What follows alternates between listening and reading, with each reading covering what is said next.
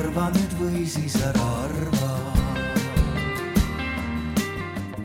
tere kõigile, ilusat laupäeva õhtut. ja tänan kõigepealt võimaluse eest äh, selle kümnenda Arvamusfestivali lõpetuseks kõneleda ja mõtiskleda Eesti tulevikust. Eesti südames ja omakorda siin Paide südames, linnaväljakul. kindlasti see, äh, need mõtted, mida ma täna esitan, need on kantud äh, ka Reformierakonna väärtustest, aga Reformierakonna vaate juurde käib ka see, et igaüks räägib siiski iseenda eest. meil on äh, päris ilusad laused Reformierakonna põhikirjas, et need on sellised põhimõtted, mida me järgime. inimene ja perekond kui väärtused on kõrgemad mis tahes sotsiaalsetest gruppidest, kihtidest või klassidest ja inimkonna arengu ja heaolu peamiseks allikaks on inimese energia vaba ja loov rakendamine. ühiskondliku ja riikliku korralduse ülesandeks on tagada kõigile ühiskonnaliikmetele nende võimete ja oskuste vaba arendamise võrdsed võimalused.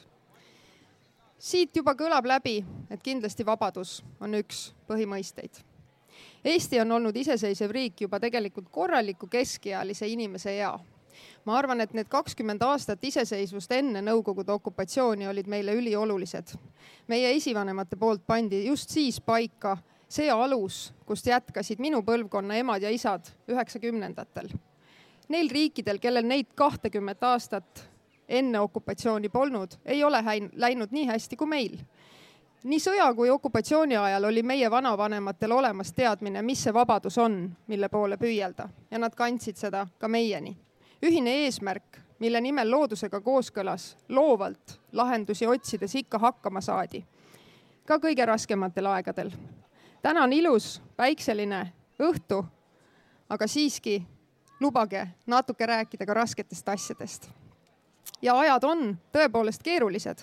meil siin Eestis on küll kõik hästi, aga meie keskkonnas võib-olla mitte et tahaks ju peale neid ägedaid mõtteid siin, avatud mõtteid, kokkutulemist, tahaks ainult unistada ja rääkida ilusast, innovatiivsest, rahulikust, sädelevast tulevikust. aga see oleks petlik ja ühekülgne unelm. George Orwell on öelnud, et kui vabadus on miski, siis on see õigus öelda inimestele seda, mida nad ei taha kuulda. et seisangi võib-olla siin ja ütlen ka endale ja püüan aimata ja leida kindlust ja alati hoida lootust. et kuidas siis jääda ellu keerulistel aegadel. ja millest koosneb Eesti vastupidamus, vastupidamine? kohanemisvõime, meie võime muutuda ja ometi jääda põhiolemuseks samaks. Eesti keeles on kaunis sõna säilenõtkus. midagi jääb, midagi muutub, säilib, ent on nõtkust, nõtk ei murdu, on jõudu, aga on ka pehmust. Eestit on loomuomaselt läbi ajaloo kandnudki põhiväärtustena loovus, loodus ja vabadus. Need on need põhiväärtused, mis moodustavad meie selgroo, mis hoiab meid sirgena ja selge silmavaatega. Need on sellised muutumatud põhitõed, mille võnkeid on meie kõigi argielus ja sügavamal tasandil võib-olla on need vähemasti minu tunnetuses midagi, mis meid ka rahvana seovad. vabadus on justkui meie vertikaal. mõnes mõttes võib-olla kõige selline sügavam tõesti selgroo omadus. loovus on pigem selline kultuur edasiviiv horisontaal, mis paneb meid iga päev tegutsema. ja loodus on keskkond, pinnas, ressurss. me kõik elame loodusest. me oleme jälginud pool aastat Venemaa poolt alustatud sõja eskaleerumist Ukrainas nutnud, arutanud, muretsenud, kartnud, mõni meist kindlasti lausa ka paanitsenud aga oleme end ka kokku võtnud, oleme aidanud, oleme tööd teinud, oleme panustanud, sest me teame, mis on vabadus ja seda me hoiame iga hinna eest, vankumatult.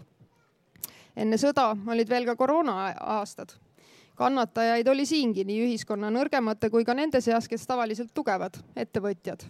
mõnele õpetas koroonaaeg vajalikku oskust paigale jääda, aega maha võtta, mõni pani eriala, mõnda pani eriala vahetada, vahetama valitsus püüdis leida tasakaalu vabaduse ja piirangute vahel päris võrdseid võimalusi ettevõtluses ja hariduses ei õnnestunud paraku kriisioludes pakkuda, aga saime hakkama, sest otsisime ja hoidsime ise nii igaüks kui oma perele ka piirangute raamides oma vabadust.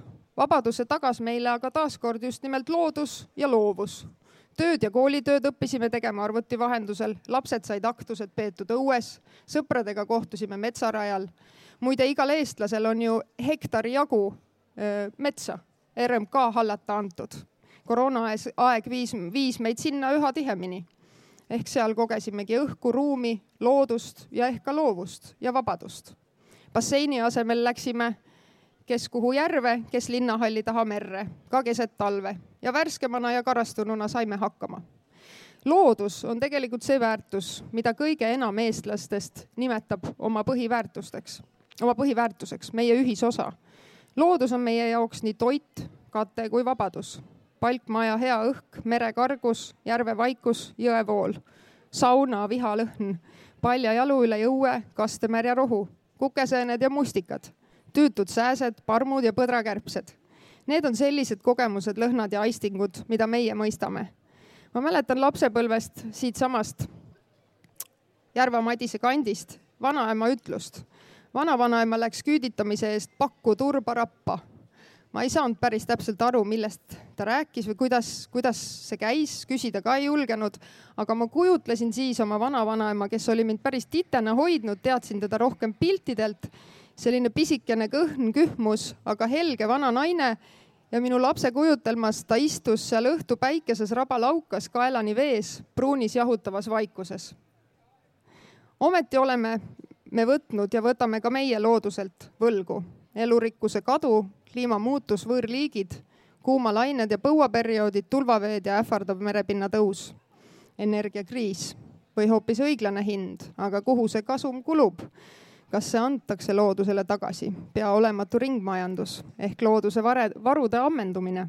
iga asi, mida me kanname seljas, pistame suhu või peame oma koduks, oma omaks, pärineb moel või teisel loodusest. Vesi on ressurss, mis paljudes paikades üle maakera on otsakorral. meil voolab värske puhas vesi kraanist tasuta. maksame tegelikult vaid selle infra eest, vesi ise on tasuta tasuta pääseme merre, laukasse, jõkke, järve. kindlasti võiks see nii meie maal ka tulevikus olla. aga peame ennast tõepoolest kokku võtma, selgelt välja ütlema, et nii edasi ei saa. üks ettevõtja ütles, et kui sein on ees, siis tuleb ümber pöörata. see on mõistlik, leida uus ja targem rada tehnoloogiad on inimese kestlikuks toimetamiseks olemas. küsimus on, kuidas muutuda nii, et ei kasvaks ebavõrdsus, kuidas eristada muutumatud väärtused muutuvatest. loodus on midagi, mis on kõige selle meie toimetamise aluseks. kui me sellele liiga teeme, siis ei saa me ka ise toimetada. loovus aga tuleviku Eestis. Kindlasti hariduses peaks olema väärtus number üks.